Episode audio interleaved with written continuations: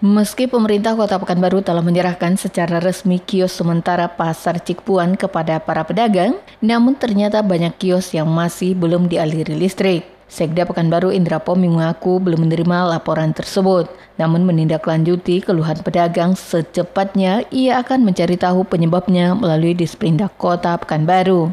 Indra Popmi berharap jika memang ada tunggakan dari kios sebelum kebakaran, sebaiknya PLN tidak memutuskan secara sepihak aliran listrik ke Pasar Cipuan.